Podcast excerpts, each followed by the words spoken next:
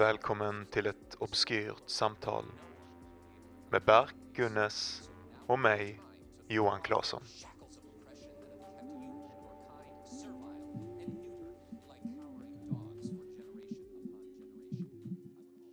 Nu har jag börjat recorda. Mhm. Hej, Har du satt eh, igång välkommen, inspelningen? eh, Ja, ja bro. Det är på. Ja, det kostar inget. Så vi har precis delat med oss av sjuka hemligheter som inte jag får prata om. Johans eh, galna kopplingar till eh, den mystiska eliten, den svenska eliten. Men Nej. eh, vi ska snacka om det. Vi får inte säga det. Du har redan sagt för mycket alltså. Har jag redan sagt Jag kommer...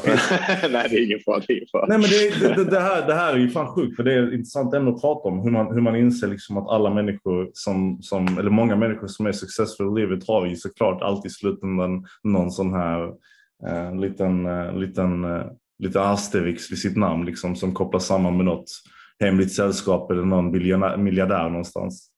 Och nu det var en, en till här. det är som om jag skulle säga när du, eh, när du eh, lyckas, när du får din bok publicerad så ska jag gå runt till alla jävla kvällstidningar i Sverige. Ska jag bara säga så ah, det är för att han känner prins Daniel, den fucking myglaren. Alltså, det, det, det är Nej mannen, nej, mannen. Du, vet in nej, nej, nej. du vet vad som kommer hända. Du vet att det är du som kommer lyckas du kommer ha din fina lilla sån kavaj på dig och stå ta emot quizzer och skit. Och så kommer jag Har du berättat din prins Daniel-story? Eh, nej, det har jag nog inte. Jag nog Nej, inte. på podden. Ska vi, först säga, ska vi först säga, kolla här nu, jag ska säga två saker. På riktigt nu, Berk har fått prins Daniels visitkort. Det är det första. Så att om Berk lyckas så är det för att han är fucking in med det svenska kungahuset. Han är en smutsig royalist, okej? Så jag Eh, får inte vad det säga ens var du är inne någonstans, men du får nämna Nej. att oh my god. Ja, det är så det. Jag har faktiskt träffat kungen Men- också, men det är inte det. Den här killen, alltså så Den här killen kan bara fucking... skryta, det är eh, allt jag kan. Ja, alltså snälla, ja. Eh, vad var det jag skulle säga? Eh, vi kanske ska eh, föra på tal det här att vi spelar in veckans avsnitt eh, över Zoom. Ja, ja, Ja. ni hör det på är YouTube. nog en bra tänker idé. jag. Ja, eh, det Mm. beror på att Berk, eh, som alltid säger till mig att jag är så fucking oansvarig, att jag ut, utsätter honom för risk med den här inspelningen för att jag eh, ibland träffar mina vänner och lite sånt där. Den jävla corona-kingen alltså, åker upp till Stockholm, blir sjuk, åker med hela vägen ner och bara fucking säger så här, jag kan komma över. Eh, och sen så är det bara jag är fucking, jag är så jävla ansvarstagande så jag säger så, nej Aha. Berk, vi gör det här Aha. online, jag är ingen Aha. vän av, av Rona. Det är kul hur du målar upp dig själv som någon sån uh, liten, uh, liten ängel där. Träffar dina vänner ibland, lite smått. Jag vet, jag, såg, jag vet vad jag såg på din 30-årsfödelsedag. Det var vänner som var vana vid att umgås under en coronapandemi. Jag såg det Du hånglade med mig. Du hånglade med mig. Jag gav dig en liten alltså, puss. Jag gav dig en liten puss. Och det är okej. Det är fan inget vi ska ta upp här heller Johan. Eh, men eh, ja, jag, jag, jag har lite ont i halsen, jag är lite täppt. Jag har nog någon, någon strain of the coronavirus som inom två dagar kommer totalt förlama min kropp och döda mig. Mm. Eh, förstöra mina. Opublicerad. Opublicerad och usel.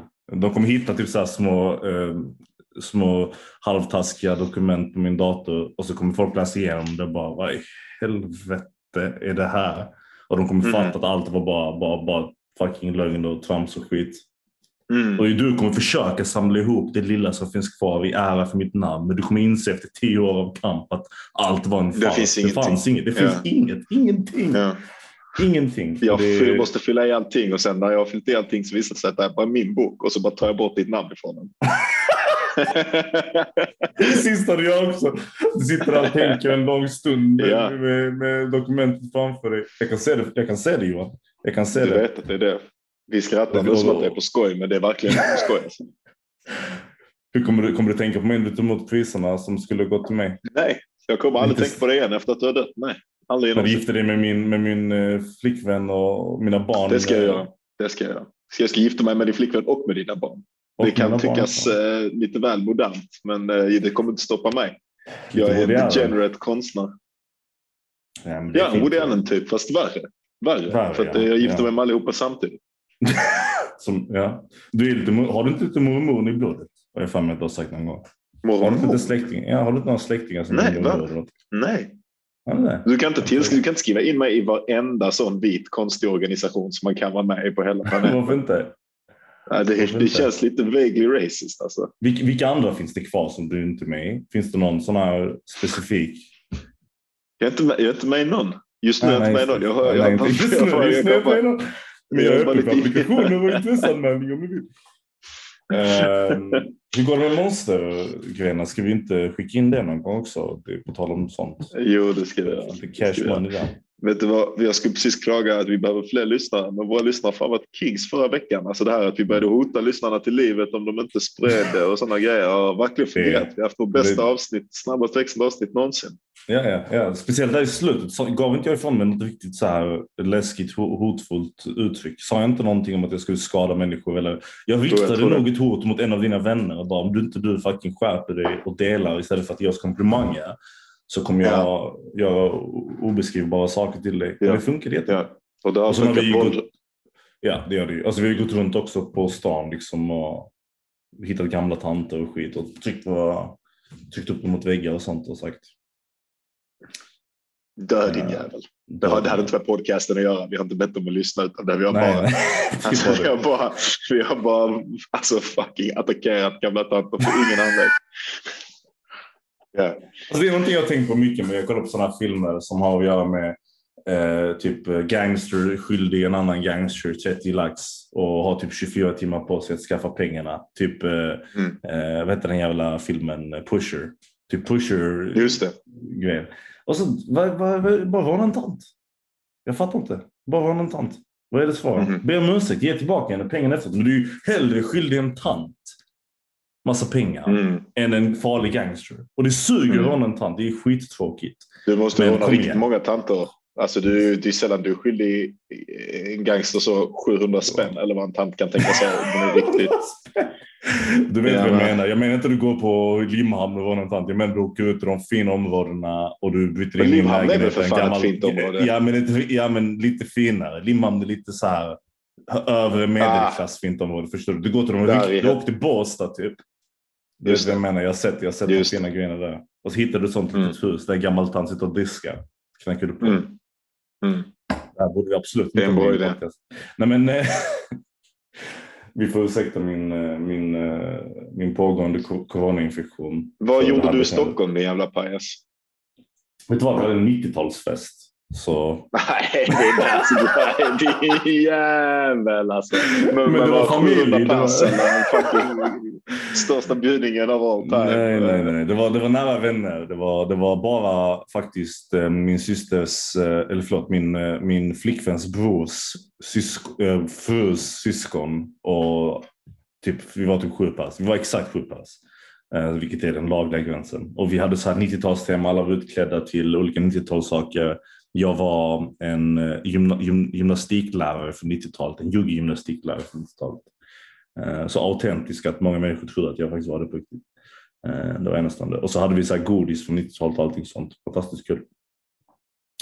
Och sen så sen bara satt jag där och kände mig själv bli sjukare och sjukare för varje dag som gick tills jag åkte hem på ett fullsmockat tåg där jag hostade specifikt på så många människor jag bara kunde. För att sprida det ut över så här strategiskt utvalda stoppplatser på väg Mm. från Stockholm till Malmö. Så varje gång man Mm. gick ut så liksom var det en grej att jag spred det. som bäst. Och nu bara sprids den här nya, nya pandemigrenen, liksom den här nya Den corona. ottomanska vågen. Exakt, exakt, exakt. Ja. Och då kommer historieböckerna läsa om den, den dagen det inträffade. Den, för datum idag? 5 april 2021. Var det trevligt? Eh, ja, det, det, alltså var, inte, inte Ja. ja. din fest. För, ja, allting var trevligt. Allting var trevligt. Kul att träffa barnen och så. Mm. Det var lite det där jag kom på vad jag ville snacka om idag. Vilka barn? Eh, Neffis, min, min sambos brors två barn. Just det. De små. Det får ni tänka så. Ska man ha barn själv? Jag vet fan. Och där smyger in mitt lilla ämne jag vill prata om idag. Vet du, du ska få prata om det. Du ska få prata om det. Eh, Vi kan prata, jag, jag, jag tyckte att du skulle fråga mig vad jag hade gjort i veckan först bara så att det här håller lite fucking seriös ton. Och också så att det känns som att du bryr dig om vad jag gör ibland också. Men, men att det inte bara är jag som bara För- för- du kommer umgås med mig för. Och Du Det bara, här är helt sinnessjukt. Det är, det, är det är jag som jagar dig. Det är det som är helt galna. Att det är, du tror du lever i en annan relation. Och förutom det, och bortsett från det, bortsett från att det jag säger är sant. fråga mig vad jag har gjort. Så, så skulle jag komma dit, okej? Okej. Det var bara att jag var inte färdig med att berätta om vad jag Du, du var hade på väg, jag hörde att du var på väg in i ditt nya ämne, men okej, berätta Nej, nästa nej, grej. nej, jag ville bara Jag liksom introducera-.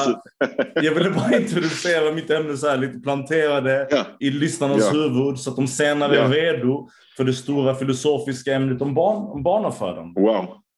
Okej, så Vad var nästa grej du skulle berätta om dig själv? Nej, du skulle säga någonting mer om det. Aha. Jag skulle prata om att jag faktiskt har skrivit jävligt bra senaste tiden och att det går skitbra och allting är väldigt nice. Men, nej, men nu, nu, nu ska vi inte snacka om det. Jag bara skojade faktiskt. Eller jag skojar inte om den biten. Men jag ville faktiskt fråga dig Johan, helt autentiskt. Vad har du gjort den här veckan? Vad har jag missat? Wow, hur kom du på den frågan? Ni jävla king alltså. Jag vet fan, vad Eh? Jag har, ehm, jag har faktiskt haft det jävligt mysigt. Jag har, jag har haft en sån riktig mega finalvecka på jag ska ta ett litet, jag har fuckat ur lite med min mat och sånt skit och, och även med min disciplin. Jag har känt mig jävligt sugigt odisciplinerad en period. Egentligen liksom, har det ju varit att jag står liksom på odisciplinens rand hela detta året än så länge. Liksom. Att jag har inte riktigt kommit in i den sortens starka rutiner som jag hade stora delar av förra året. Mhm. Och så har jag hela tiden väntat. Jag försöker hitta till ett, Um, till ett slags psykologiskt ställe. Eller snarare, jag har varit väldigt disciplinerad i vissa fält.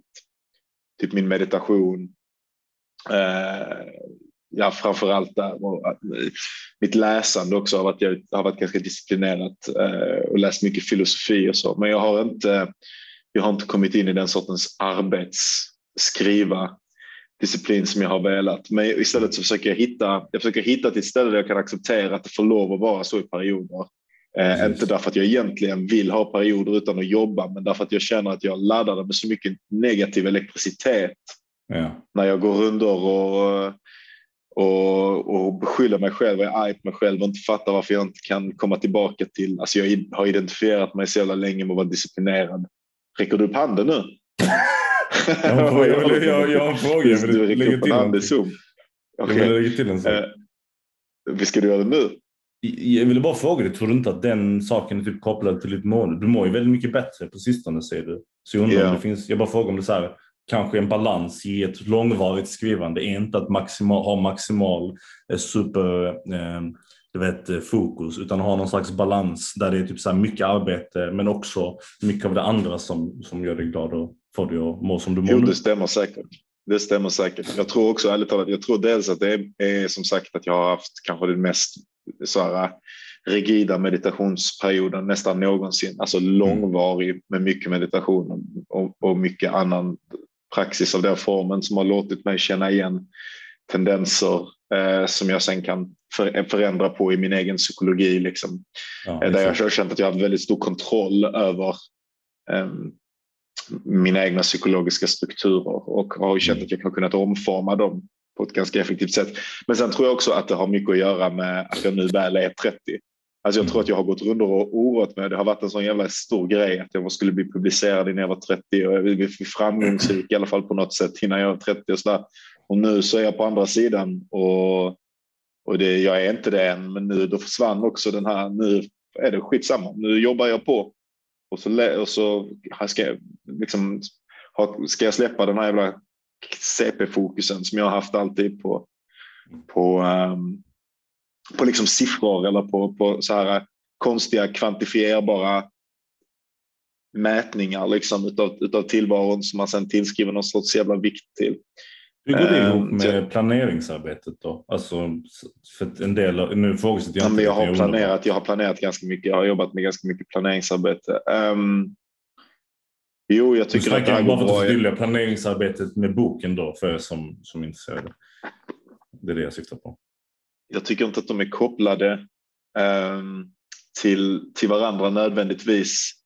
Jag tycker att det som, eh, som jag snackar om, som man blir bättre på, är inte att, att man inte kan planera utan att, att, att och inte att man inte kan hålla sig själv mot mål och sådana grejer därför att det måste man göra om man vill vara produktiv eller effektiv i tillvaron.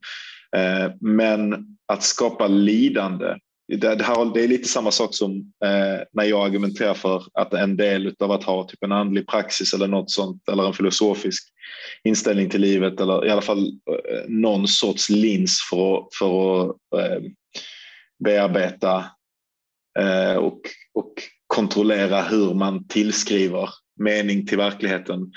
Eh, mm. En, av, en av funktionerna bakom eller att när man bör göra det, när man behöver något sånt sätt, är för att till exempel för att kunna hantera döden, så för att kunna mm. hantera familjemedlemmars död och sådana grejer. Mm. Eh, men ett missförstånd, tänker jag, även det här är typ ett missförstånd i många typ västerländska andliga kretsar, där, och det här har jag pratat med folk på sistone, där, där de typ kommer till ett ställe där de blir helt eh, de dras in i sig själva, de börjar prata så här och verkar helt frånskilda från mm. världen och sådär. Mm. Det är inte syftet.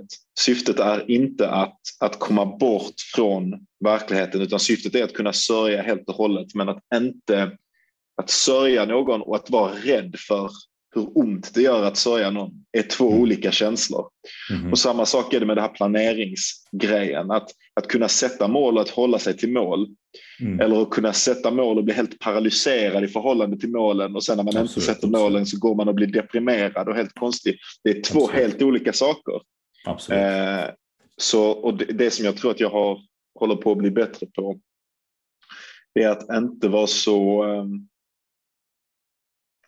Alltså om du misslyckas så misslyckas du. Liksom. Eh, ja. och det, du vill ju då ha, du vill ha, på något sätt så vill man ju bygga den sortens känslomässiga styrka eller någonting som kan ta misslyckanden med en klackspark utan att den klacksparken föregås av att man inte brydde sig om det man misslyckades med.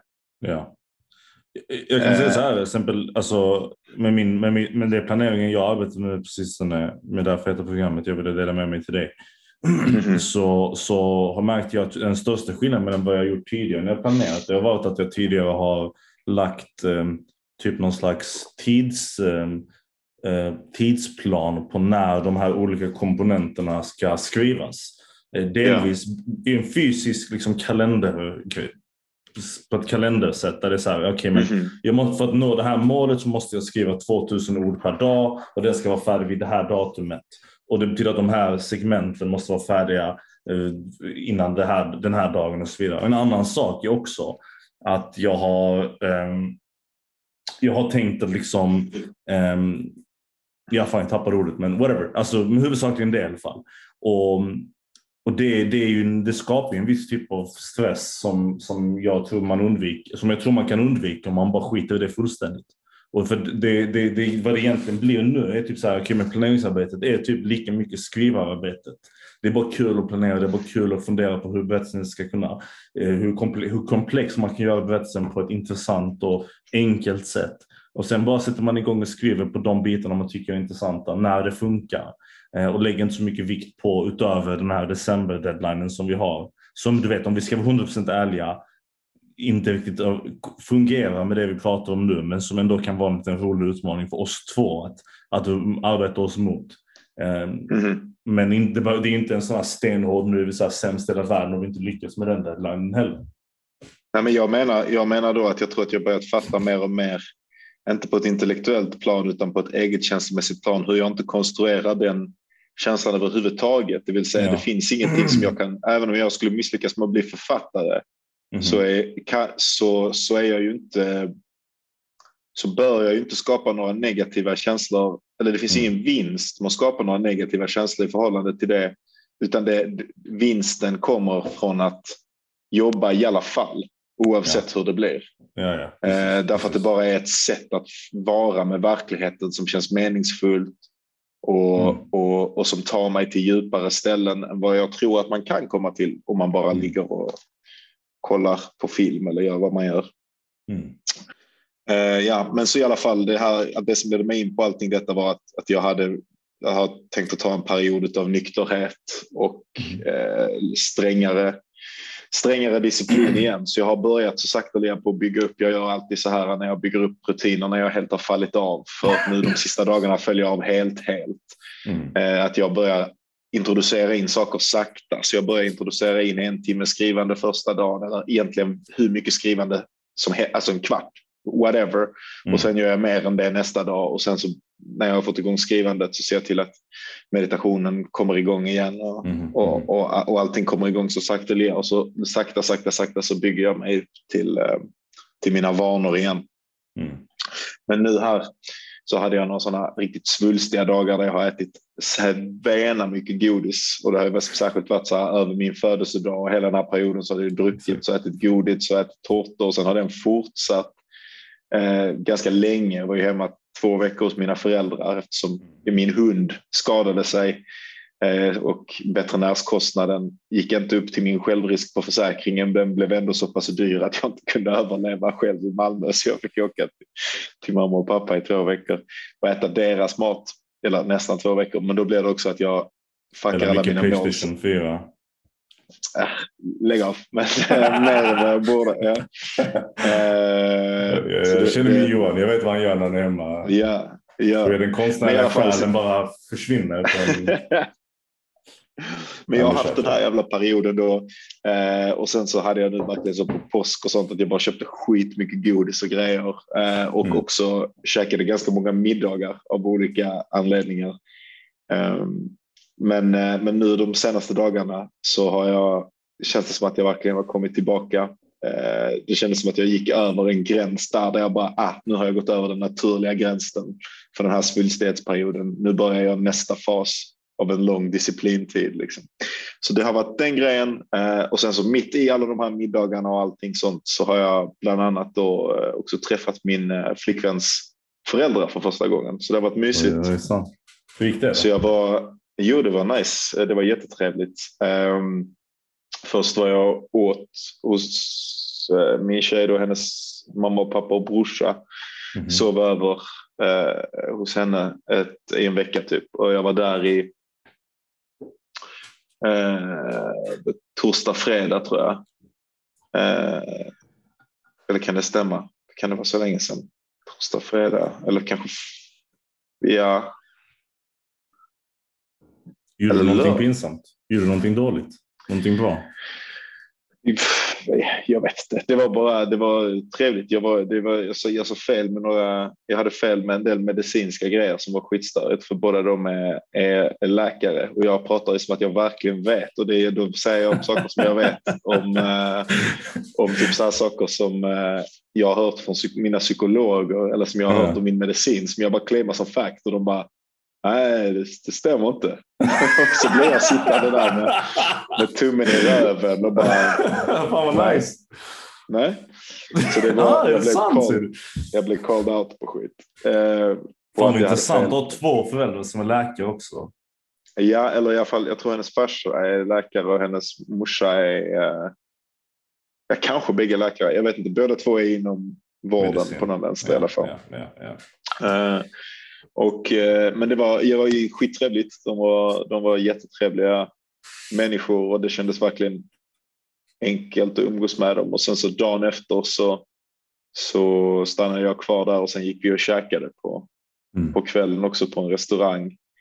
Och det var skitmysigt och drack lite gott vin. Eh, det enda, jag har riktig ångest över att jag kom, tror att jag har glömt att tacka. Så jag får typ skicka ett, eh, ett alltså jag tror det blev så bråttom när jag skulle sticka Jag sen. fattar, fattar. E- Erik kom hit på kvällen.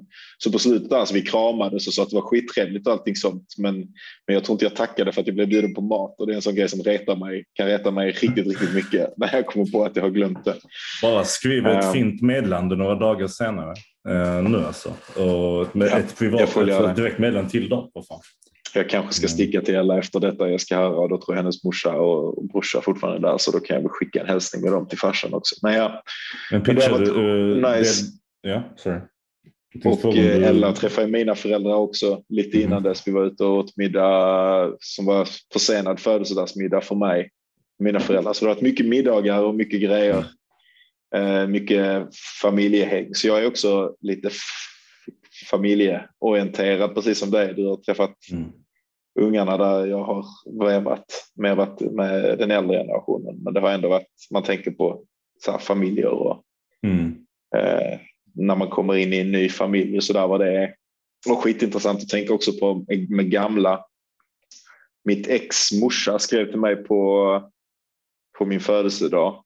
Mhm. Grattis. Så tänkte jag också på att det är en sån konstig grej med, med de familjerna som man har haft Ja, ja, jag håller med dig. som försvinner. Ja. Nej, jag håller med dig. Det är också en sorg i sig liksom, på ett sätt. På det sättet. Mhm. Mhm. Så vi tar en liten paus och sen, så, sen kommer vi in på, på det. Eller vad säger du? All right. Jättebra. Okej.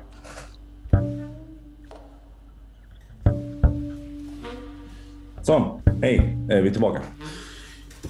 Familj, familj, familj. Jag, jag tänkte egentligen prata om barn. Um, men Ja. du tog upp familj så fint att det liksom fick en, en, en intressant, intressant grej för mig här också. Det blev en intressant sak att tänka på. Um, men vill du ha barn? Jag har, har jag inte sagt det tidigare? Jag tror förr när jag var yngre Mm. så ville jag aldrig ha barn. Eh, jag höll länge på att snacka. Det var länge så oförklarligt som det är för vissa människor. Eh, där, där jag liksom inte kunde fatta. Att det bara verkade jobbigt för mig. Liksom. Och när andra hade ungar så var de ungarna bara störiga. Mm. Och jag, jag kände verkligen ingen koppling eller någonting. Men i takt tror jag med att jag kände mig mer kopplad till världen, till människor i Mm. allmänhet. Eh, som jag tänker på det då till Gud liksom, eller whatever. Så började jag också liksom känna så började ett eh, ja, en vilja att ha den här familjeenheten Mm. och det verkade vara liksom en av de fundamentala grejerna att vrida på hjulet på nytt liksom. Att det är på något sätt det som är jävligt in, innerligt i universum. Jag vill bara säga för övrigt när jag säger sådana här saker så är det inte så att jag har eh, jag tror ibland det kan verka så för andra att det blir först komplext för mig eller så här liksom lite poetiskt betingat i språket när jag, form, när jag formaliserar det som språk. Alltså när jag säger att det ska vrida på hjulet bla bla bla så är det inte så Mm. jag tänker på det utan det, det bara har någon slags inneboende meningsfull kärna som jag sedan försöker beskriva med språk. Liksom. Ja, jag tror man Ehm. förstår det. Jag tror man förstår Men, vissa, det. men ibland är det folk som bara, så här, bara ja, folk säger till mig att jag intellektualiserar saker och det gör jag inte. Det är bara det att jag beskriver dem sen på ett sätt som, som, som är bildligt. Liksom. Men whatever. Men, Eh. men, men jag la märke till i alla fall när du sa det att det, du använder ju, du inte, oavsett vad du vill kalla det, intellektualiserande eller inte, så använder du ordet eller beskrivningen av djuret som rullar vidare. Liksom, Mhm. ser, du, ser du barnabiten som, som någon, någon slags uh, legacy-grej? Alltså att det är typ så här, tänker du, tänker du ide, ideolog, alltså så konceptmässigt att du för vidare någonting som har med Johan att göra eller ett minne av dig eller ett minne av din tid? Eller tänker du mer föra vidare som genetiskt eller föra vidare som någonting som är Jag tror det beror på, liksom i, ja, jag förstår det, vad du menar. Jag tror att det beror på i vilket känsloläge jag är när jag får frågan. Alltså det, det finns nog en del av mig som tänker, som är rädd för döden. Mm. eh, egot liksom, som, eh, som, som vill se sig själv i ett barn och veta att någonting av det själv lever vidare i världen. Liksom. Ja, ja. Men, men jag tänker att det finns en, en ännu djupare, mer mystisk eller någonting eh, form På också som inte har någonting att göra med mig, alltså med Ja. Johan, utan som bara har någonting att göra med att liv fortgår. Ja. Eh, att de nya generationerna kommer, generationerna kommer, nu, nu skapas, nu startar hjulet igen. Ja, Eh, som är just där det meningsfulla är just det riktningslösa. Att det är ju bara att, att, att, att gå in i en berättelse som alltid har funnits eller som åtminstone är uråldrig. Liksom. Mm. Eh. Det, det, det är intressant. För varför jag frågar är lite för att jag, jag tänker mig att, att en del av liksom din, din färd i livet eller din riktning eller ditt intresse kanske i, i hur du hanterar typ saker som sker runt omkring dig. Det är lite det här med att du vill lära, du vill lära dig. Du vill förstå saker som du kanske inte Mhm. har förstått tidigare och komma till någon slags um, djup liksom, insikt om vad, vad det är att vara människa och vad det är att vara i Mhm. livet och sånt. Och då har jag alltid tänkt på jag bana, bana-biten som den kanske största upptäcktsfärden i, i det, i det Mhm. varandet. Penna. Mhm. På det sättet att exempelvis, du vet, ibland får jag en sån känsla i kroppen typ att jag bara, okej, men jag lever mitt liv nu och så gör jag massa saker och så söker jag efter massa svar. Och jag kommer fortsätta göra det tills jag kanske känner att jag har lärt mig allt jag kan lära mig. Och sen plötsligt får jag barn och nu händer inte de här sakerna alltid i den ordningen att det tar en massa tid tills man kan, liksom, man kan allting och sen får man barn och sen, sen kommer man till nästa kapitel. Men mm, ponera att det gör. Liksom. Men oavsett vad, att man kommer till någon slags ny, nytt kapitel av insikt som man inte ens visste att man hade tidigare. Eh, och jag ser det ibland hos vissa föräldrar som, som verkar ha fått det där ögonblicket någonstans, kanske precis när de har fått barnet eller något år efteråt när de bara säger mitt liv ändrades. Right? Och jag tänker mycket, Mm. vad fan betyder det egentligen? Alltså så här, är det bara introduktionen av stor kärlek? Typ så här, det, det låter lite banalt. Typ så här, du får ett barn och sen så är du bara jättekär i det barnet och därför är det en stor förändring i livet. Eller är det verkligen en, en, en total transformation i uppfattning, en total transformation i, i, i, i sättet man ser på sig själv. Eh, Det måste det vara. saker runt omkring. Right? Och om det är, jag tänker också det, jag tänker också att det måste vara det. Och då tänker Man jag- flyttas upp i världen. Va? Alltså Ja, på, exakt. Visst så. på, dit, dit, dittills har man varit en punkt för någonting. Ja, Och sen som eh, punkt för, för världen. Och världen står som en mening. Hela tillvaron står som en mening. Så är man genom sin närvaro i nuet en punkt. Allting slutar med en själv. Men det blir någonting uppenbart med att man själv går in i meningen eller blir en del av Mm. meningen. Och punkten är någonting annat. Så fort man eh, introducerar ett barn. Och sen antar jag vad den punkten är för någonting. På tal om att intellektualisera saker nu så gör vi ju det verkligen nu. Men, Mhm. men, att, men, att, men att inte veta vad, den, vad det är för någonting man hamnar i, det tycker jag är skitspännande. Och det är jag typ Mhm. hype för att veta, fattar du? Det känns som att, eh, som att vi kan snacka om det hur länge som helst men vi kan inte veta det eller smaka på det förrän vi har haft det. Och vem är vi? Som vem är jag? meningsfullt.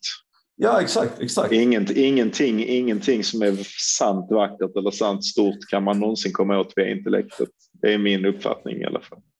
Det är intressant.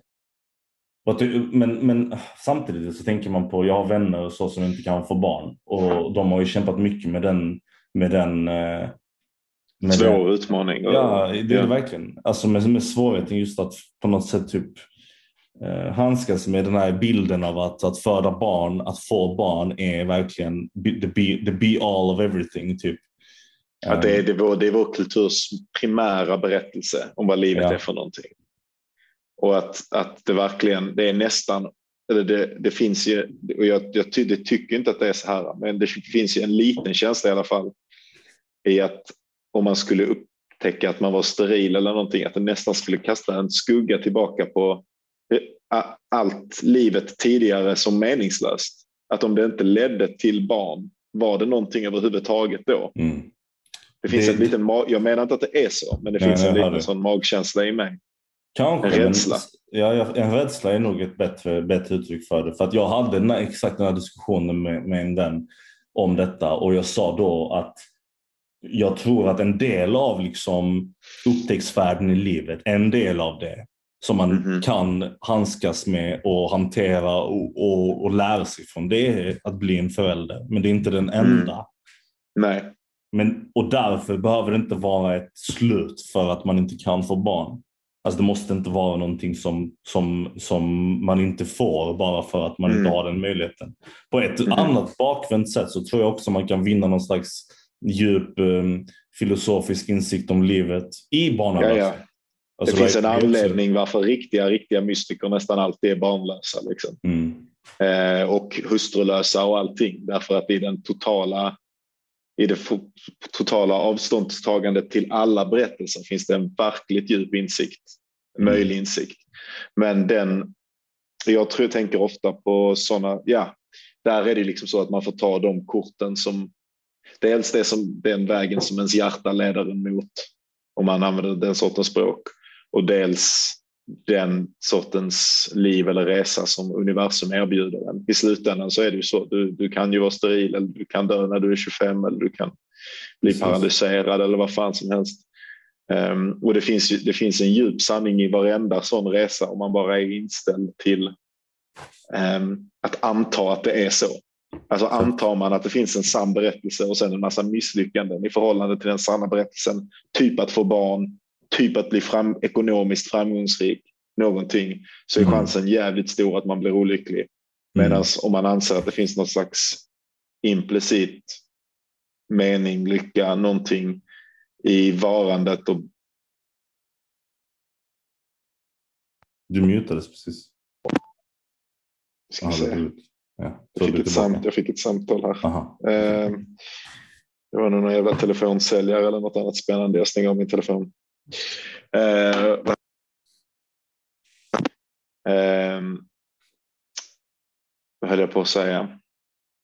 Ja, men om man bara antar att, att, att det finns någonting att, att, att berätta, att ens liv man kan inte misslyckas med livet. Liksom. Det, är, Ja, det, är, ja. det, det, det, det blir som det blir och i det kommer man i kontakt med vad det är för någonting.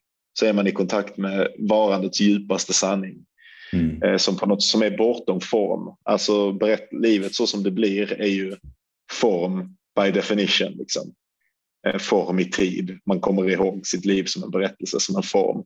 Mm. Eh, och det finns ju någon del av tillvaron i alla fall som är bortom det. I vilket den saken uttrycker sig.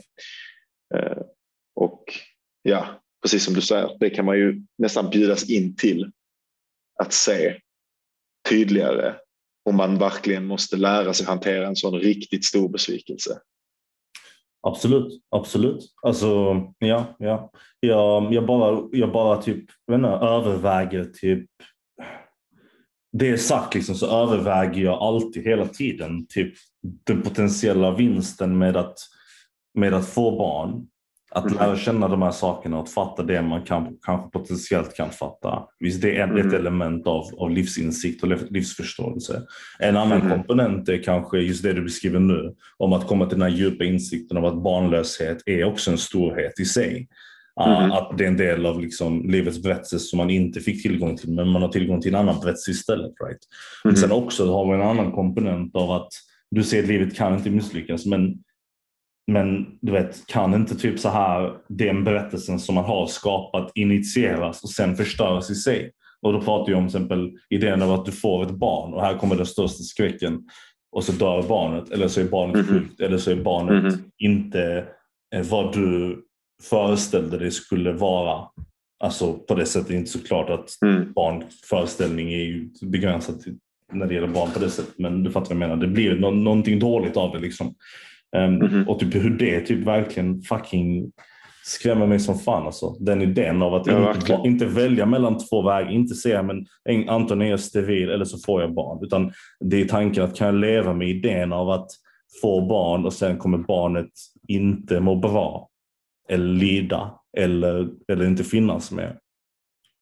Och det Men är inte, där, är det inte ytterligare ett exempel på, jag tänker att det är, det här är en sån grej som är skitirriterande. Om någon som har lyssnat på detta liksom har förlorat ett barn så blir nästan det som jag säger nu meningslöst. Därför det som jag säger nu, när jag säger det, är en fullständigt teoretisk övning nästan. Mm. Men det är många människor som har upplevt det och som kommer till en liknande insikt i att eh, på ett sätt så är ju att förlora ett barn en större död än döden själv. Mm. Liksom. Eh, Det är kanske den största döden som kan komma in i en människas liv, den med mest vikt och som man tyvärr då måste överleva och Mm. erfara konsekvenserna av. Ehm, samtidigt så tror jag kanske att där i den brustna berättelsen också finns en inbjudan till den större övergripande berättelsen som var att du hade aldrig någon möjlighet att kontrollera heller det. Mm. Eh, inte ens det. Inte ens det som du absolut... Du kunde aldrig skydda dig själv. Du kunde aldrig kontrollera vad som hände med dig. Och på samma sätt kunde du inte göra det med dina barn. Du kunde försöka och man kan försöka optimera. Liksom. Men ehm, ja, på något, på något djupt plan så är det nog så att vi har väldigt, väldigt lite kontroll. Mycket, mycket mindre kontroll än vad vi upplever att vi har. Alltså man kan ju Ja. till och med alltså, göra fysiska beskrivningar av universum där det blir väldigt svårt att, att säga att universum inte är helt predeterminerat. Eh, alltså vet du alla partiklars rörelseriktning och, och eh, position inom ett system så är systemet helt predictable. Mm. Förutom vissa små förändringar i, på kvantnivå, men de är så små att de på en klassisk nivå inte blir relevanta. Och då är Mm. alltså varenda system är ju en stor variant av ett sådant system som en system, verkligheten är ju materiellt predeterminerad liksom. Och på, på något sätt någon del av det måste ju kunna förlåta en sådan verklighet. Liksom. Och i det finns ju en djup, djup, djup kontakt med sanningen, även om det såklart av naturliga skäl inte känns som att vi lever i en sådan värld.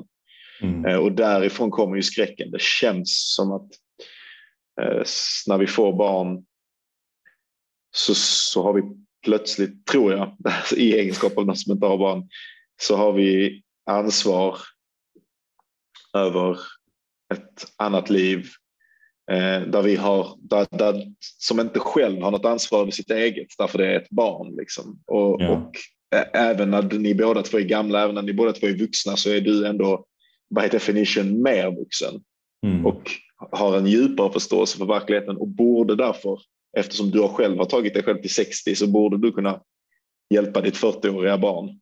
Ja. Eh, men eh, ja, på något sätt så kan ju saker gå fel, eh, saker hända som visar att du inte hade någon kontroll hur mycket kontroll du än försökte utöva.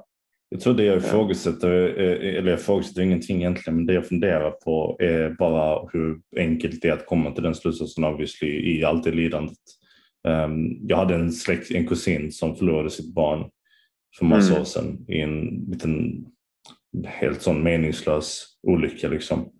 Och, Mm. och det krossade henne helt. Men hon har lärt sig Mm. leva vidare. Vilket är helt jävla otroligt egentligen. Mm. Otänkbart. Otänkbart tror- när man är står utanför. Ja, ja det är det. Men, men, men det är inte så som med alla alltså, trauman och hemskheter. Det är fan jättefascinerande att se det som utomstående när man får vara med om, om antagligen ett trauma själv eller tydligare när man ser någon annan genomlida ett trauma. Att Mm. det verkar ohanterbart i ögonblicket eller till och med innan det händer. Om man, det. Om man, så, så känns det ohanterbart och omöjligt att ens fatta hur man skulle överleva det. Men en dag i taget liksom, så tar man sig igenom det.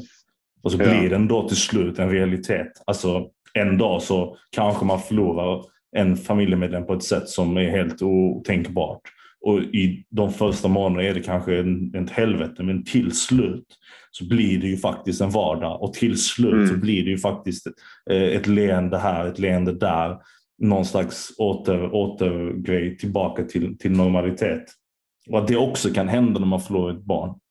Men samtidigt är det kanske, och du, nu kanske jag misstolkar, men var det inte det du sa innan? Liksom, var det här med att, att samtidigt veta om att samtidigt veta om någontings hemskhet och vara rädd för det. Precis som du pratade precis i början när vi snackade om skrivandet och planering.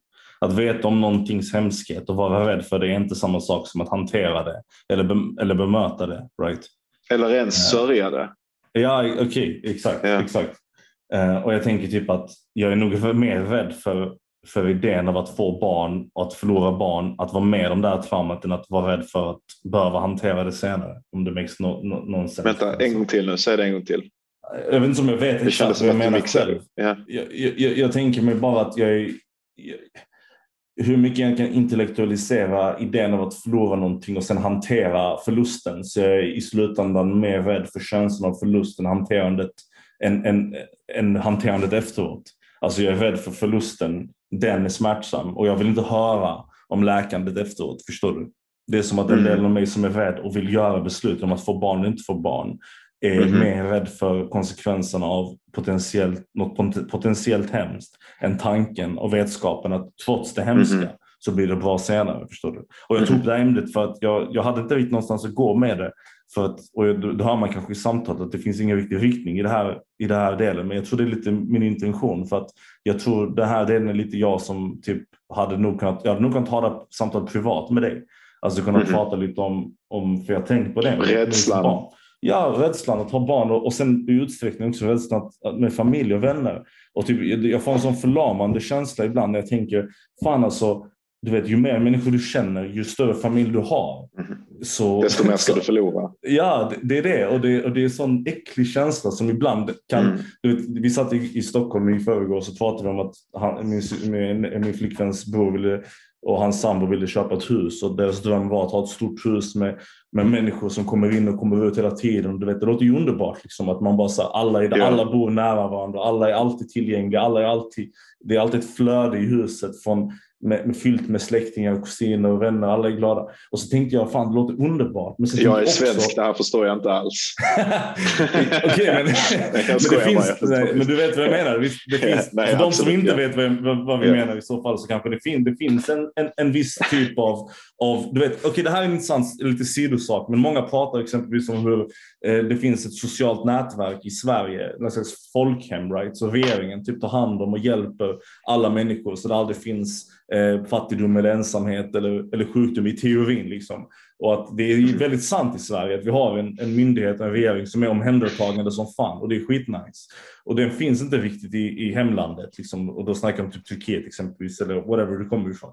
Men vad som finns där som inte finns i Sverige det är den här, det här flödet av familj. Där det faktiskt Mhm. blir så att den omhändertagande biten av samhället eh, tas det ansvaret i- ges till familjen istället.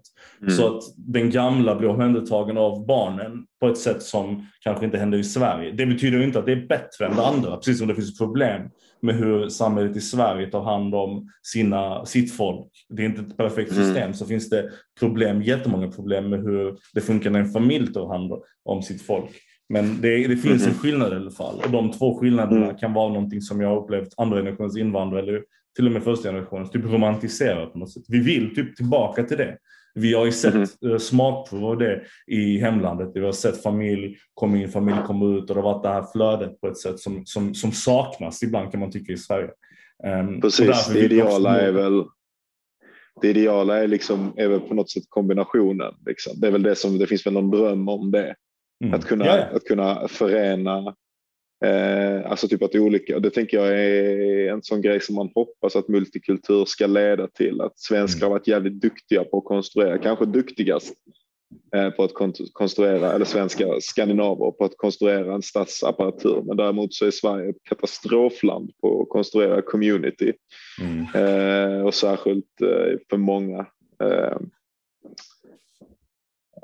Liksom, jag kan ju verkligen, alltså familj är svårt att säga, det beror det är från familj till familj. Många är väl tajt, tajta ändå, men jag upplever ofta liksom community-wise när jag har haft stora vänskapskretsar som har varit typ araber eller indier eller whatever så är det en helt annan sorts utvidgad värme som till och med är svår att få till i den nära, nära vänskapskretsen. En förbehållslös värme liksom som bara ja. inte Exakt. som, som jag ibland liksom bara, vad fan existerar det här inte i, i oss som folk på ett själsligt plan? Liksom. Jag tror inte på, på det såklart, men där det finns, där jag ibland, jag bara, varför är detta så jävla otillgängligt?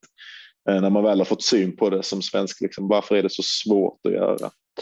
Eh, men ja, i vilket fall som helst, eh, för att ta tillbaka till där du var, så var du på att Eh,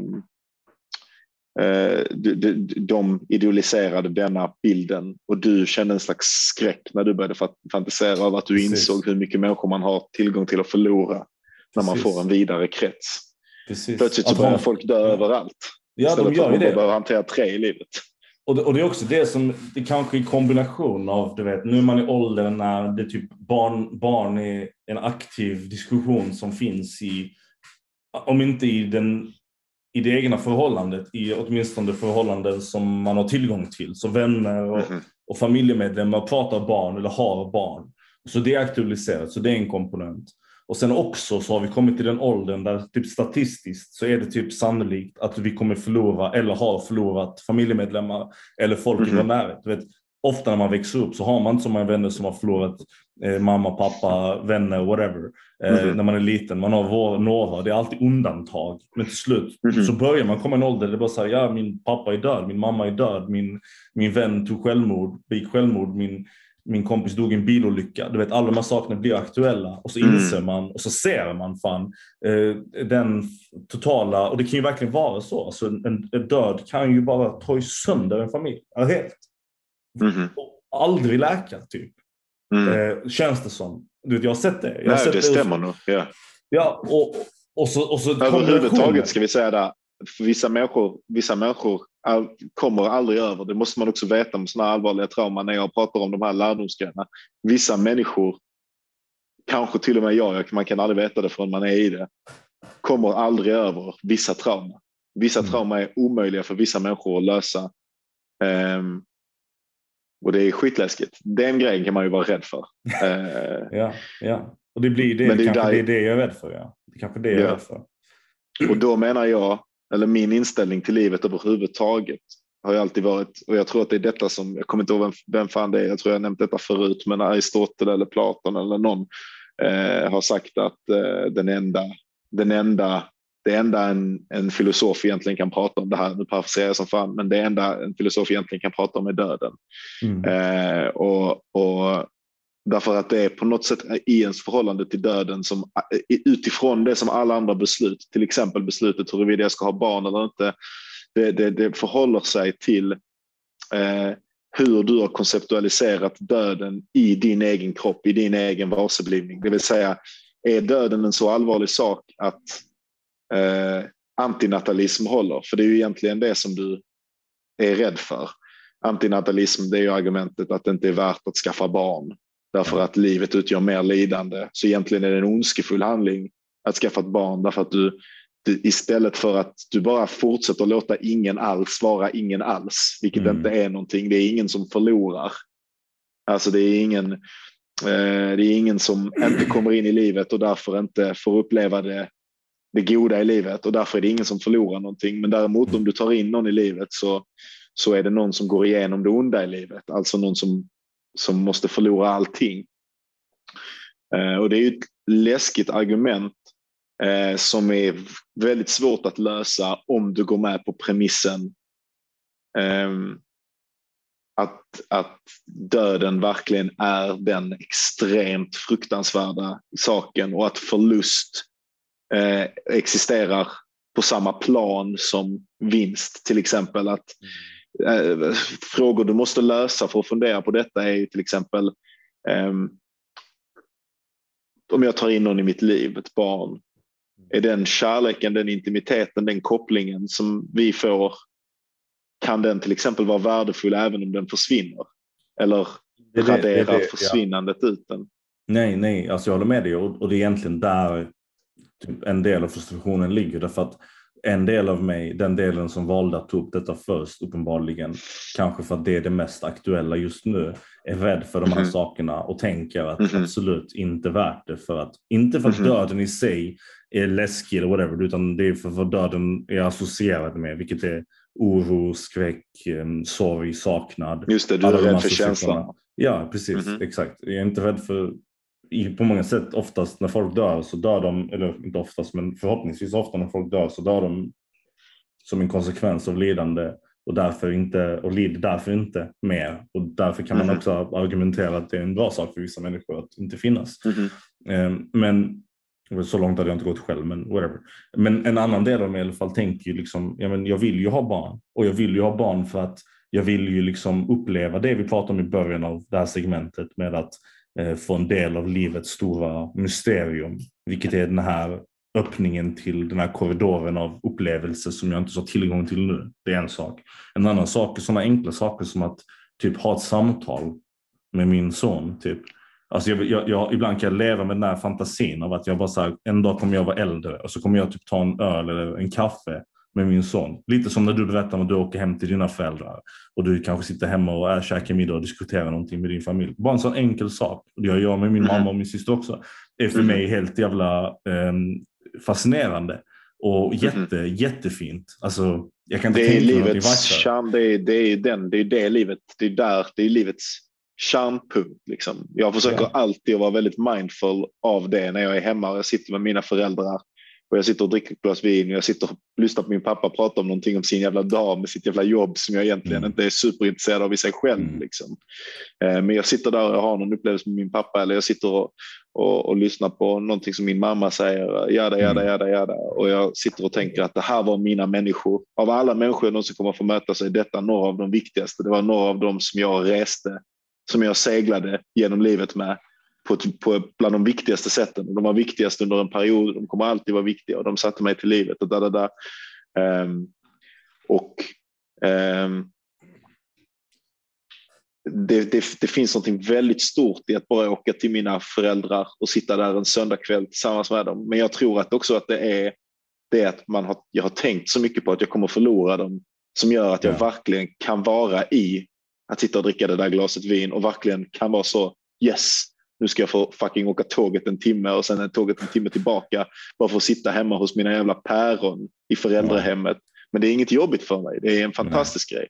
Och det är för att de ställs i förhållande till döden. Och jag tror att när du får ett barn, om du får ett barn och du är mindful om att du ska dö och de ska dö, någon ska dö, det här det är lidanden någonstans down the road.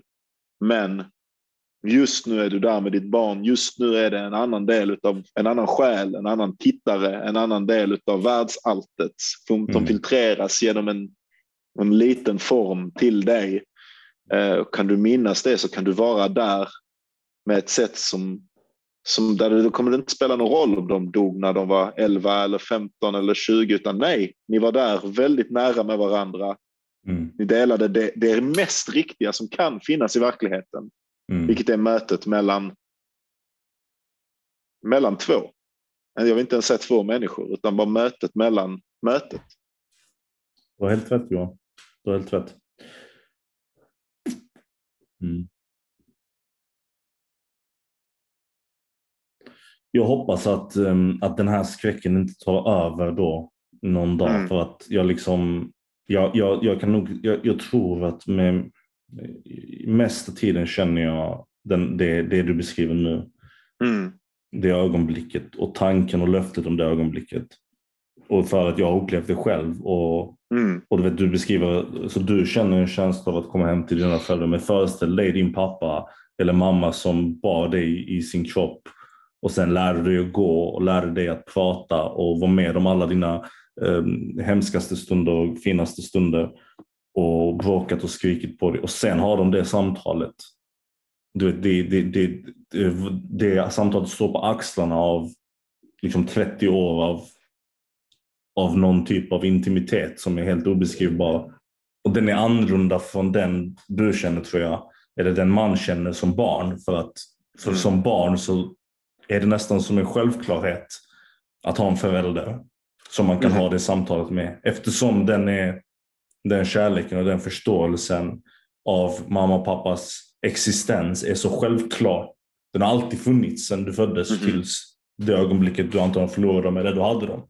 Och den blir kanske Mhm. mer själv, mindre självklar och därför mer precious när den kanske hotas att försvinna. Men för en förälder tänker jag mig, och det här är en sån jävla intellektuell övning som säkerligen är helt ute och cyklar, men jag föreställer mig att den eh, lyckan är kontextualiserad på ett annat sätt. För att du vet Mm. hur det var innan. Och du har också följt varje steg av väg upp från en vuxen ålder till en ännu äldre vuxnare Mm. ålder. Så du, du har det fulla intellektets kapacitet liksom, att begrunda personen framför dig. Och jag vill Mm. ha det. Alltså, och det överväger nog dock ja, i slutändan kanske ändå potentiell rädsla och oro över att förlora det. Det Mhm. stämmer nog. Fan vad nice. Vi löste det. Vi löste familjen. Går du in i, går du in i, eller det är just döden som har sån vikt. Jag tror många människor kan bli, bli paralyserade, eh, speciellt senare i livet efter många misslyckade förhållanden av en likartad anledning. När man, för det är också, alltså, vi har vi kanske sagt någon gång tidigare, men när ett förhållande bryter upp så är det också en liten död. Liksom. Det är en, Mm. en, en version av verkligheten Mm. som förstörs. En sak som du trodde om din framtid, om du trodde om alltings beständighet. En, ett, ett, ett förenat subjekt i vilken du, du visste Mm. Och du visste vad du, dels visste du vad du var i förhållande till någon annan, men du var också delvis den andra genom att ni hade en gemensam värdegrund och ett, ett förväntat mönster av beteenden som skedde i världen och sådär. Så, Precis. så, så, så vissa människor, när de upplever...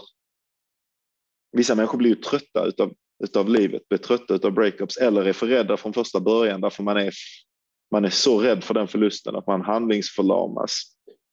Men det, det, det har du inte känt. Nej. Alltså jag tror inte jag kan Nej. hjälpa det. Alltså jag bara, relationer är bara en naturlig del Man av... går in i det. Ja. Ja, precis. Alltså det, det, det kommer ifrån samma anledning som vi har till, till, det, till att vi sitter och pratar exempelvis. Att det finns Mm. ett genuint intresse för en annan människa. Och det Mm. genuina intresset är grunden, kärnan för att inleda alla typer av relationer. Så Just det. länge jag har det intresset för en annan människa så kommer jag bli förälskad. Och då kommer Mm. jag vilja ha den personen i min närhet. Eh, Så därför är jag inte rädd för det. Nej. Och, jag, och, jag tror, och därför där är det också tydligt för mig, för att jag, det här är mitt fjärde förhållande, att varje förlust av ett förhållande känns i ögonblicket som det fulländade, det sista. Det, det finns inget mer eller det var, det var slut där och du kommer aldrig sitta kär igen. Du kommer aldrig vara, ha samma närhet med någon annan eller hamna på samma eh, grundnivå. Och sen så hittar du det ändå oftast till slut. Eh, Och därför är det värt det. Liksom. Eh, Det är värt det för att du vet var du hamnar och det är alltid någonting nytt och det är alltid en ny människa och det är alltid en ny upplevelse och det är alltid nytt, nytt, nytt, nytt, nytt. Vilket jag tycker är skitspännande. Tills man hittar någon som man I guess förälskar sig i så mycket att man tänker den här personen skulle, skulle jag vilja få nytt med. Men Mhm. behålla liksom. Mm. Det var det. Eh, Det var mitt ämne tror jag. Vill du ta en liten paus? Mm.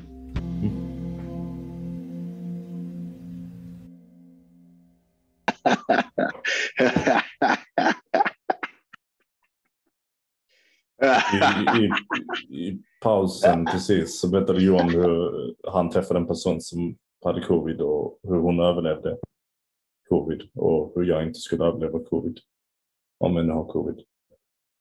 Och han verkligen så satte det i mitt huvud hur illa det skulle gå, gå till. Hur min flickvän skulle hitta min kropp stilla och död. Hur han skulle skratta och håna min, eh, mig och mitt namn på min begravning. Ja. Vad vill du prata om Jag idag? ska göra min stand-up debut på din begravning. Ska jag... Har ni tänkt på det här med män och kvinnor? Jag tänker inte ens prata om dig. Jag tänker inte säga ett ord om dig. Jag tänker bara gå upp och hålla ett föredrag på 45 minuter. En stand-up special, Johan Claesson, introducing. Uh, och sen, folk nu skratta, stänger va? vi ner den här skiten och bara rädar vi allihopa. Ingen är ens med på jordsänkningen. Eh, alla bara rädar ut ur lokalen. Wow, wow, wow. Så drar vi ner till Harrys allihopa och så äter vi fucking eh, sån, eh, vad heter det? Moule mariner, jävla musslor med, med pommes och så dricker vi fucking Staropramen Granat eller någonting och bara wow. Och du ligger där tyst i kistan. Ordlös i livet som i döden. Du målar upp en fin bild i alla fall. Måste jag det. ja, Alltså det hade varit jävligt kul att ha en sån begravning. Alltså vara med på en sån begravning snarare. inte för dig. Ja. Nej, inte för mig precis. då. Nej, men att Nej. vara där och du sitta på Harrys och skrika. Ja. Nej, jag, jag, gick- jag har ingen, det finns inget kvar efter, efter det. Jag är bara tystnad för alltid. I all evighet. Mm. Och vetskapen innan jag dog att detta kommer hända efteråt. Vilket bara så här förevigas i mitt... Det är det sista Mm. tanken jag har. Så bara fastnar det typ i efterlivet på något konstigt sätt. Just allt jag vet är bara det. Jag har också spelat in en liten film som triggas. Eh, jag har installerat ett litet eh, ljudsystem, eh, ett litet mi- mickar i din lägenhet som, som lyssnar av och kodade för att känna igen frekvensen på dina andetag. Så när dina andetag blir riktigt, riktigt långsamma så har jag gjort en liten, eh, du vet inte om det är en simulering, om jag har bett henne att spela in det eller om det är på riktigt, men en liten inspelningen av Neffi som sa så här. Det var alltid han. Det var alltid Johan egentligen. Och sen bara, alltså det var lite så här, och du vet aldrig du, vet, du får inte veta vad hon menade. Bara, älskade hon mig eller? Eller var det någonting annat? Alltså, missförstod du allting? Är det du som är paranoid? Du, du vet inte, du bara försvinner in i mörkret med ovetskapen. Att du visste inte vilken, vad jag betydde för Neffi. Det är typ ert skratt. är det sista jag hör. Ert, ert lilla skratt, men, som, du vet, det speciella skrattet när någon som är lite så här nykär Ja, kittlar den Ja. andra typ, eller så här, säger någonting Jag har gjort- lite roligt. jag har gjort ett litet ljudkollage. Jag har gjort ett litet ljudkollage på så här saker, alltså konversationer som vi har haft, grejer där- jag och Neffi har varit med. Vi har klippt bort dig och allting, så jag har bara de här små ögonblicken. Så du bara så här sekvensen och de här små ögonblicken där det låter som, "Men vänta nu var det någonting hela tiden eller? Din lilla kuksugare. Och det är Det du som dör. Och så, och så ser man så här precis när jag dör hur du också infekterar mig med covid från alla fester du har gått på under pandemin. Ja. Och du har alltid Ja. varit sjuk lite under varje inspelning. Jag har typ här spottat i min, i min eh, monsterdricka och sånt skit. Okej, nej. Jag vill höra din, jag vill höra ditt fucking tema mannen. Eh, jo, eh, jag har, jag ville prata om, och jag har inte helt formaliserat detta, jag har bara sagt det som eh, vad är verkligheten och vad är meningsfullt att kalla verkligt eller hur väljer man vilket man kallar verkligt? Mm. Eh, och vad menar man egentligen, kanske även när man använder det begreppet även utanför en filosofisk kontext. Mhm. Eh, där, och, och, och anledningen att jag funderade på detta det var att jag satt och pratade med en kompis eh, som jag har pratat om flera gånger här på denna som är, är fysiker så han är väldigt eh, eh, han är väl lite materialist i alla fall. Liksom. Eller han, han, han utgår från en ma- materialistisk beskrivning av universum och att det är den högst överställda beskrivningen. Den, den har högst vikt och det andra sker som underkategorier till Mhm. den. Det vill Mhm. säga till exempel eh, kärlek är underställd eh, den materiella, det materiella universumet Mhm. eftersom kärlek är en följd av naturliga processer. Någonting Mhm. sånt. Det är en typisk klassisk. Det är nog de flesta moderna sekulära människors intuitiva Mhm. förhållande till verkligheten. Men jag satt och försökte beskriva, eller förklara, inte förklara, men vi, vi satt och diskuterade och jag försökte beskriva vad jag tror för, som en rent materialistisk beskrivning eh, hur man hur man känner igen sig själv i allting, alltså hur man Mm. kommer till ett tillstånd av enhet med hela universum Mhm. Eh, och no, ja, egentligen så behöver jag inte kanske gå in i så mycket vad jag eh, vad min hypotes var över hur det kunde gå till. För det är Mhm. inte det som är det viktiga och då känns det som att jag fastnar i det. Men någon gång, jag vet inte ens om han sa det eller om jag bara kom till insikt med att jag bara fan, det här, det är inte viktigt eller riktigt för honom att göra det. Ja.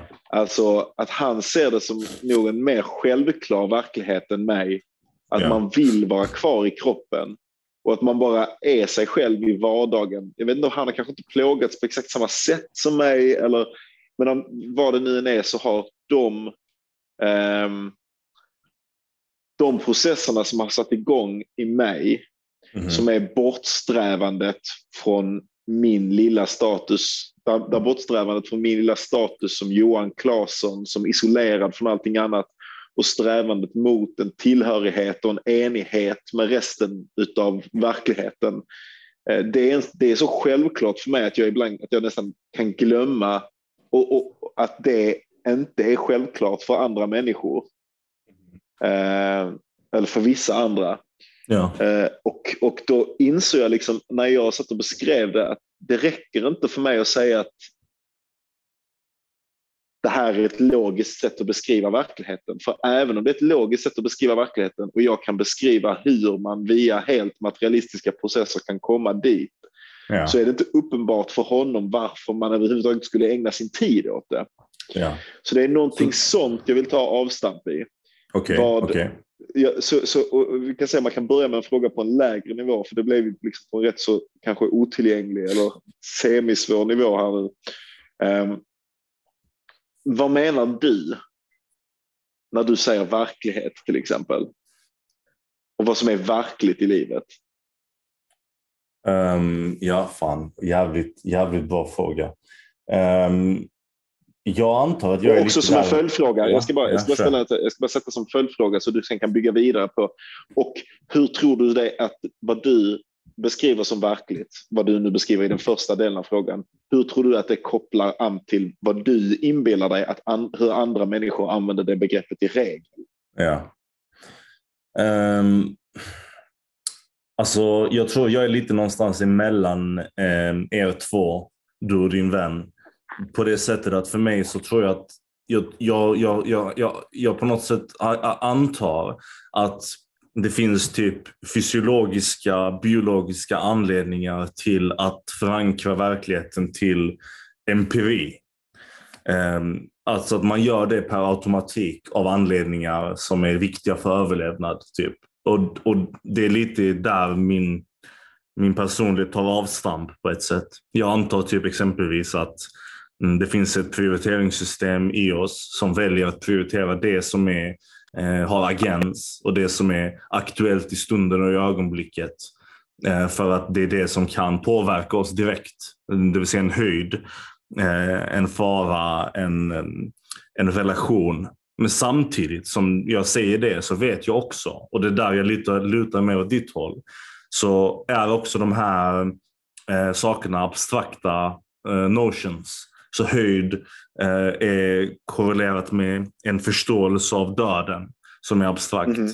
Eh, relationer är, tills- hör ihop med en förståelse av, av samband mellan eh, händelser som har hänt och händelser som kan hända i framtiden mellan två människor. Mhm. Någon slags konstig eh, vilja att lära känna andra människor, vilken nu biologisk eller socio, eh, social anledning du vill nu förklara det som. Alla de här sakerna är liksom sammanvävda med både abstrakta empiriska observationer runt omkring oss, men också av det abstrakta och konceptuella. Och jag tror att om jag skulle liksom försöka rangordna mitt eget sätt att tänka på det, I guess, så hade det varit primärt existerar det konceptuella i relation till det empiriska. Så det som är eh, eh, rörbart, som ett bord eller en stol eller en, en, en, en fara, eller förlåt, inte en fara, Mhm. en, en tiger eller whatever, eh, existerar och är mätbart. Men det finns bara i kontexten av det abstrakta. Ehm, och det är det som ger det agens och färg. Och därför går det kanske inte, I guess, att, att separera på de två sakerna och säga att den ena är mer, eh, mer verklig än den andra. För jag tror att de agerar tillsammans. Alltså de, de, är, de Mhm. färgar av varandra. Liksom. Förstår du vad jag menar? Mhm. Mhm. Så tänker jag i alla fall. Ehm, Mhm. Men, men jag, ibland får jag känslan att du lutar åt det lite mer abstrakta hållet. För jag har hört dig säga extrem, vad jag hade kallat extrem, extrema åsikter om vad, vad, det realit, vad, vad verklighet är för någonting. Om saker som jag tror många människor hade kallat allt annat än konceptuella idéer. Till och med, eh, till och med ett steg längre än så. Liksom, när du pratar om Gud exempelvis. När du pratar om, om, om mycket mer liksom, filosofiska eh, eh världs, världsbegrepp. If you, get, if, you, if you understand what I mean. Det känns som du är lite åt det hållet, eller? Hur, hur är det för dig då? Det är egentligen det vi kommer till. Vad, hur ser du på det?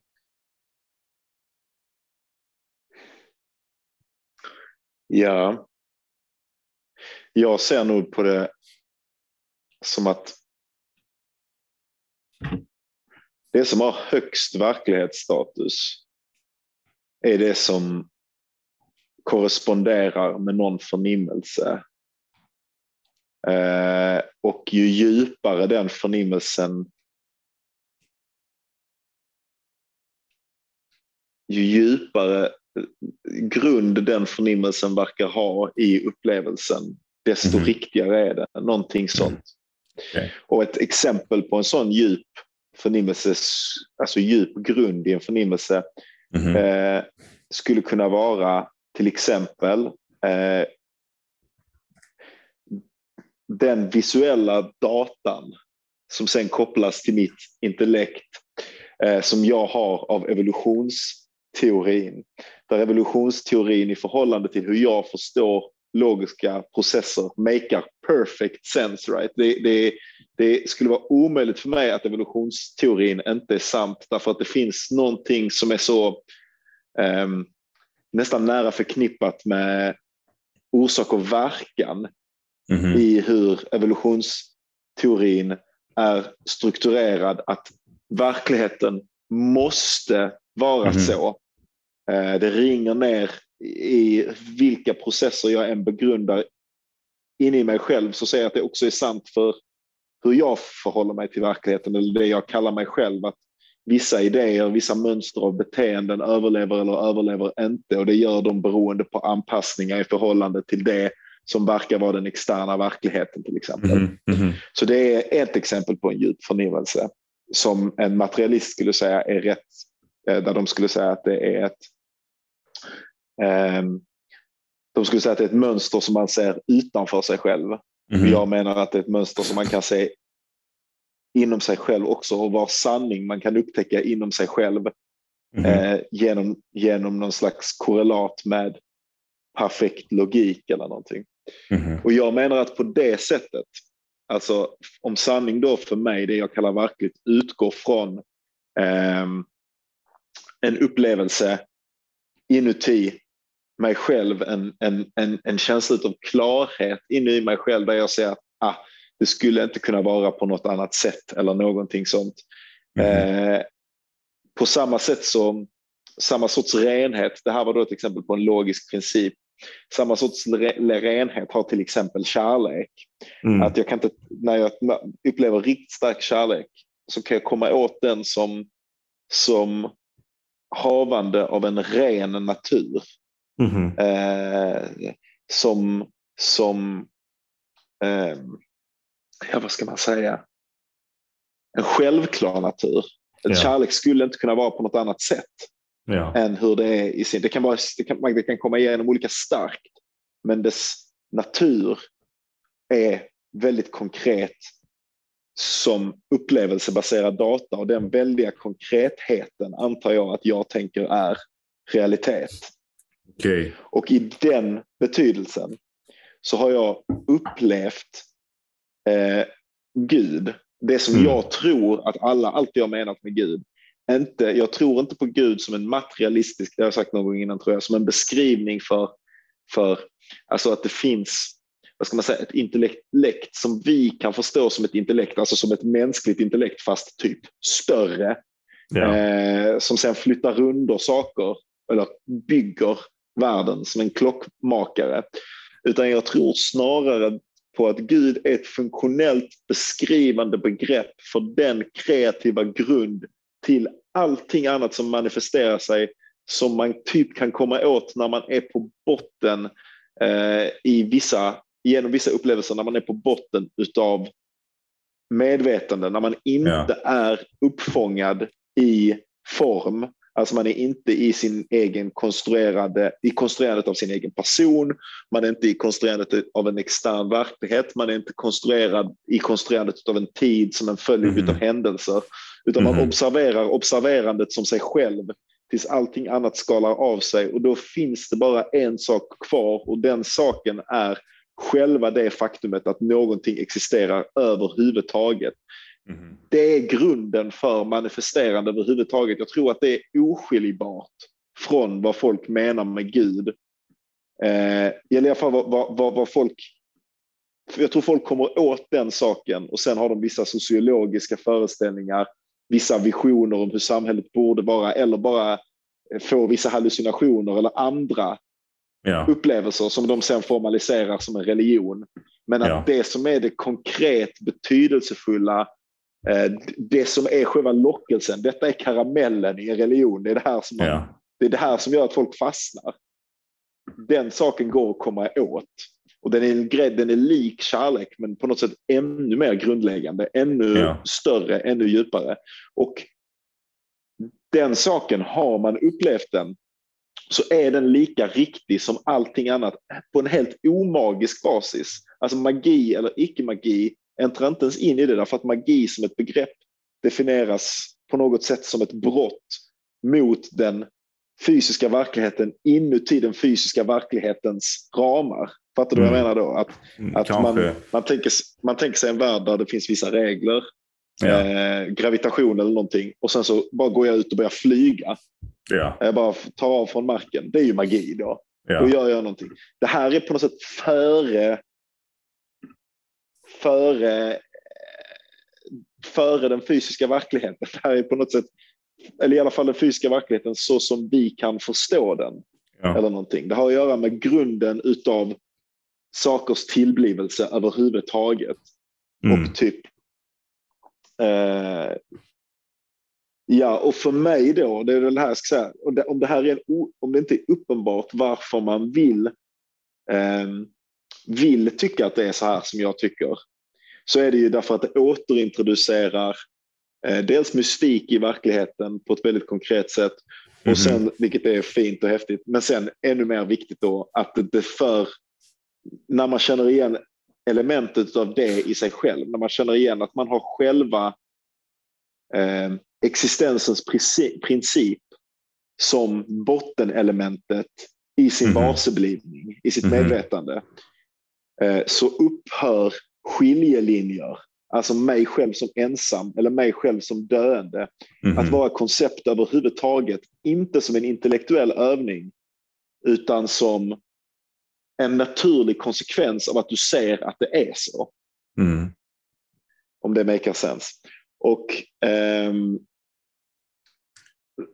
för mig då som möjliggör det, kärlek, närhet, osjälviskhet, det raderar över tid rädsla för döden, rädsla för vänners död, rädsla för eh, eller rädsla för att bli rik, inte bli rik, bli känd, inte bli känd, rädsla för att livet går, ska gå fel, whatever. Rädsla kan inte finnas Därför att alla öden som existerar existerar inom den här principen som du har känt igen inom dig själv. Ja. Det jag hör dig Eh. säga i princip är ju någon slags verklighetsuppfattning där eh, det reella är i så fall för att sammanfatta det som upplevs. Det är det som är primärt. Och Ja, upplevelsens, upp, upplevelsens bas, precis. Okej, Det som tillåter det- upplevelser vara överhuvudtaget. All right. och, och tro, för jag, vad jag tänkte på när du pratade om detta lite, det var just i, i beskrivningen av hur din vän upplever verkligheten och varför han har svårt att förhålla sig till den beskrivningen du har. Kanske är för att Jag tror inte han har hans... svårt att förhålla sig. Nej, han, han- kommer, okej. han, Ja. det är inte uppenbart för honom varför man ska göra hela Nej, men- arbetet. Och Ja, komma men- men- Alltså, så när jag sitter och förklarar detta som jag sa till dig nu, Ja, ja. så, så är det inte uppenbart för honom varför jag ens sitter och förklarar det för honom. Och det är inte Nej, uppenbart nej. för mig varför jag sitter och förklarar det. men, men Det jag blir ville säga, uppenbart för mig. oavsett, Ja, förlåt. ja, oavsett anledningen så, så tänker jag mig att en del av det kanske har att göra med um, den, um, in, alltså vad ska man säga, jag vill inte säga intention, typ vad, vad är hans intresse, alltså vad, vad är hans fokus i livet? Right? Alltså vad, vad, vad väljer han att titta på när han tittar på Mm. de sakerna som formar hans eh, arbete som fysiker, där verklighetens existens utanför hans upplevelse är det enda som spelar roll. Och i, speciellt i, i opposition till din... Eller är mer riktigt i alla fall. Ja, ja, kanske, kanske. Men den är, den är prioriterad i alla fall. Ja. På ett sätt. Menar, du kan, det är ofrånkomligt, liksom, hela upplevelseaspekten av det, att han också är den här upplevande varelsen som är mystisk, allt detta. Men bortsett från det.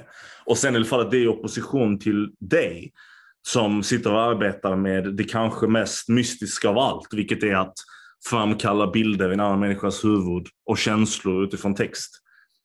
Det är två Mm. verkligheter som är okompatibla på ett sätt. Alltså i Mhm. just den här kontexten. Den är inte okompatibel i verkligheten för att verkligheten är en syntes av de två sakerna. Men den är Mhm. okompatibel i, okej men vad är det viktiga för mig att prioritera på? För, Ja, prioritera. det är detta eller så är det detta. Och jag har slått Ja. av den, det dilemmat länge. Alltså, jag, jag, jag, det var en lång tid där jag satt och funderade på vad fan, eh, vad fan, det är någonting som är så inherently mystiskt med skrivandet. Och ibland Mm. har jag nära till det. Ibland vet jag vad det är. Eller jag Mhm. vet inte, men jag kan, jag, jag kan känna det. Och jag vet Mhm. vad man gör för att komma dit. Du vet, det är samma Mhm. mystik som gör så du kan öppna en text och läsa den och du bara transformeras på ett ögonblick. Du kan bli en ny människa efter att ha läst en Mhm. Ja, text. precis. Och det är bara magi. Det, är bara, det bara finns Mhm. ingenting som det. Mhm. Och sen ibland är det så från, från, så av, frånkopplat till vem jag är som människa att jag bara har noll, eh, noll eh, förmåga att ens hamna i det rummet, liksom i det ögonblicket. Och därför eh, mer tender, tan, tangerar åt, åt eh, din väns håll. Liksom. Mhm. Jag vet inte. Jag tror att det kanske, det kanske jag kanske också vill ställa den frågan då, I guess. I, i, här. Va- varför är det viktigt, tycker du? Varför är det viktigt att, att, att se verkligheten på det sättet? Är det för att man vill komma till ett stadie där man inte behöver tänka på de här sakerna som, som, som smärtsamma i livet? Eller, va, eller va, varför behöver du detta? Alltså, jag, jag bara slänger Ja. ut liksom. Ja, precis. Jag tänker att det här är den frågan som jag ville ställa i början också. Det här är den frågan som är den relevanta frågan. Det är, för, för mig så är det ju uppenbart. Det var det jag sa också. För mig så är det så självklart att detta är... Men, men jag tror att jag redan har gett svar på detta. Att anledningen till att jag vill göra detta. Eh, dels att det har en känsla av djup sanning för mig. Jag antar samma, antagligen samma sak som som får honom att vilja göra mätningar av universum eller att vilja förstå materian på en basal nivå. För det, det finns ju ingenting uppenbart, alltså helt abstraherat från sin känsla av mening. Så finns det ju Mm. inget uppenbart varför människor skulle göra det. Vad, vad är, vad är, vad, alltså, har, nyfikenhet någonting inbyggt i sig själv som är, som är meningsfullt? Liksom? Nej, det kan du inte ha. Alltså Nej. utanför upplevelsen. Alltså Ja, att precis. människor bara kommer längre och längre och längre ner. Eller längre och längre ut i rymden. Och sen då? Ja. Var, var tar det slut eller vad gör vi för Ja, någonting? Eller? ja. Ja.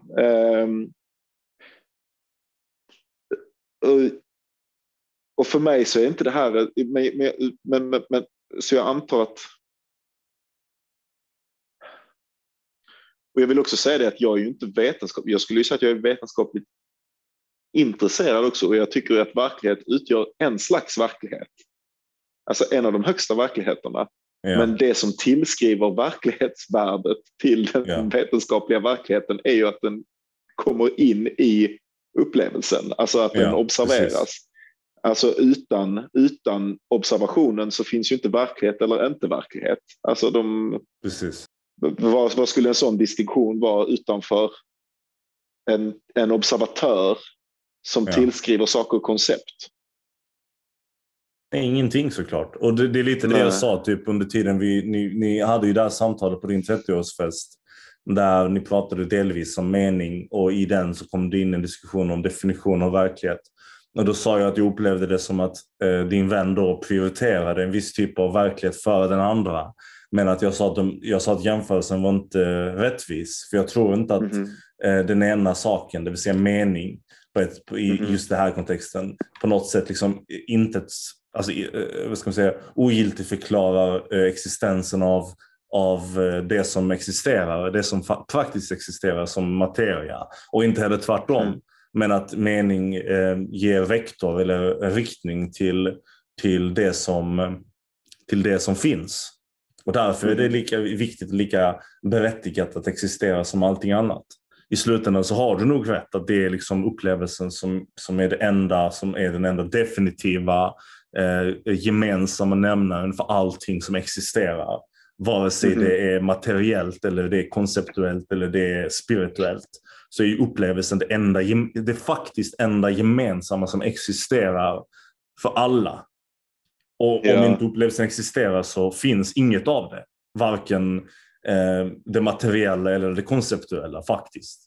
Vilket är en annan... Nej, precis. Därför det, det här finns, det här finns tillståndet eller finns finns grejen sker på något sätt i, i, i kontakt med ett, ett tittande. Alltså det är, det är sånt riktigt, det är nästan ett semantiskt spel, men det, det verkar ha någon slags innebörd. Sen, ja, jag vet inte, där, där, där är det verkligen, där är inte jag färdig i mina tankeprocesser. Det är sådana grejer som tar ett helt liv att Ja, men det är ändå värt att prata om. Tycker jag. jag tycker det är skitintressant Ja. försöka luska upp det, liksom, även om det är en, en inspelning som, där vi inte riktigt har svaret på frågan.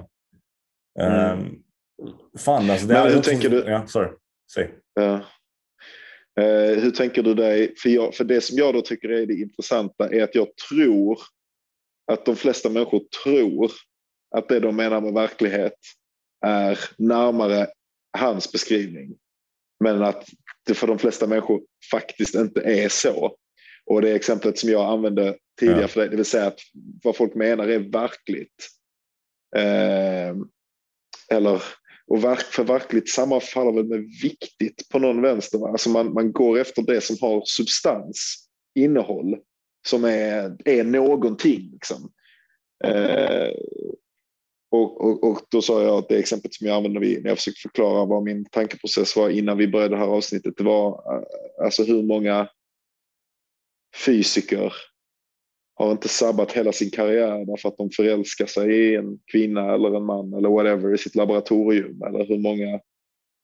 Alltså på något sätt, de, de flesta människor Ja.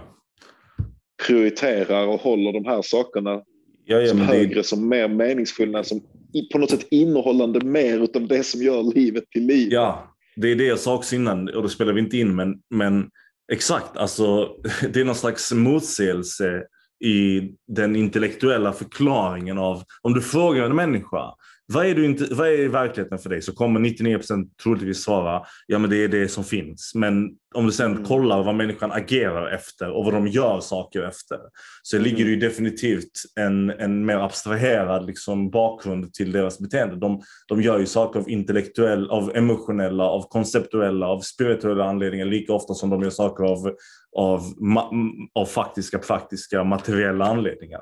Till och med oftare, ja. Mhm. Och det, och, men, Men, nästan men bara. det är som att man, vad, vad, ja, nästan vad, vad bara skulle vara en materiell anledning? Ja, men, så, men det är därför Alltså jag menar... den klumpar Nej. ju samman Ja. någon, någon del av upplevelsen. Men det är exakt därför jag säger att den här, den här, abstrak, abstra, den här abstrakta idén av verkligheten, den, den, färg, den ger färg till den materiella. Det är därför jag, det är därför jag säger Mhm. att jämförelsen inte är, är rättvis. För att du kan inte separera på dem.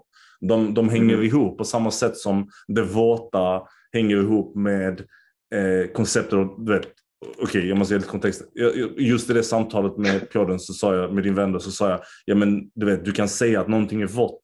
Eh, typ en, en sten det har regnat på är blöt, visst, men den har ingen fysisk eh, den har ingen, det finns ingen fysisk egenskap som är blå, blöthet. Alltså det finns inte. Det Jaha. finns bara en upplevelse som gör någonting vått.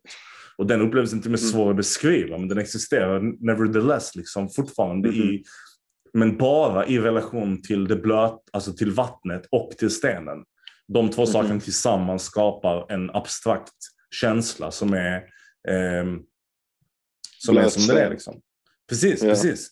Och det är exakt därför allting annat, alla, alla upplevelser som är sub, subjekt, alltså eh, subjekt, fan säger jag, subjektiva upplevelser, eh, de, de lite mer högkonceptuella är på samma sätt vad våthet är till stenen, till, vad, till, Mhm. till materia, till verklighet.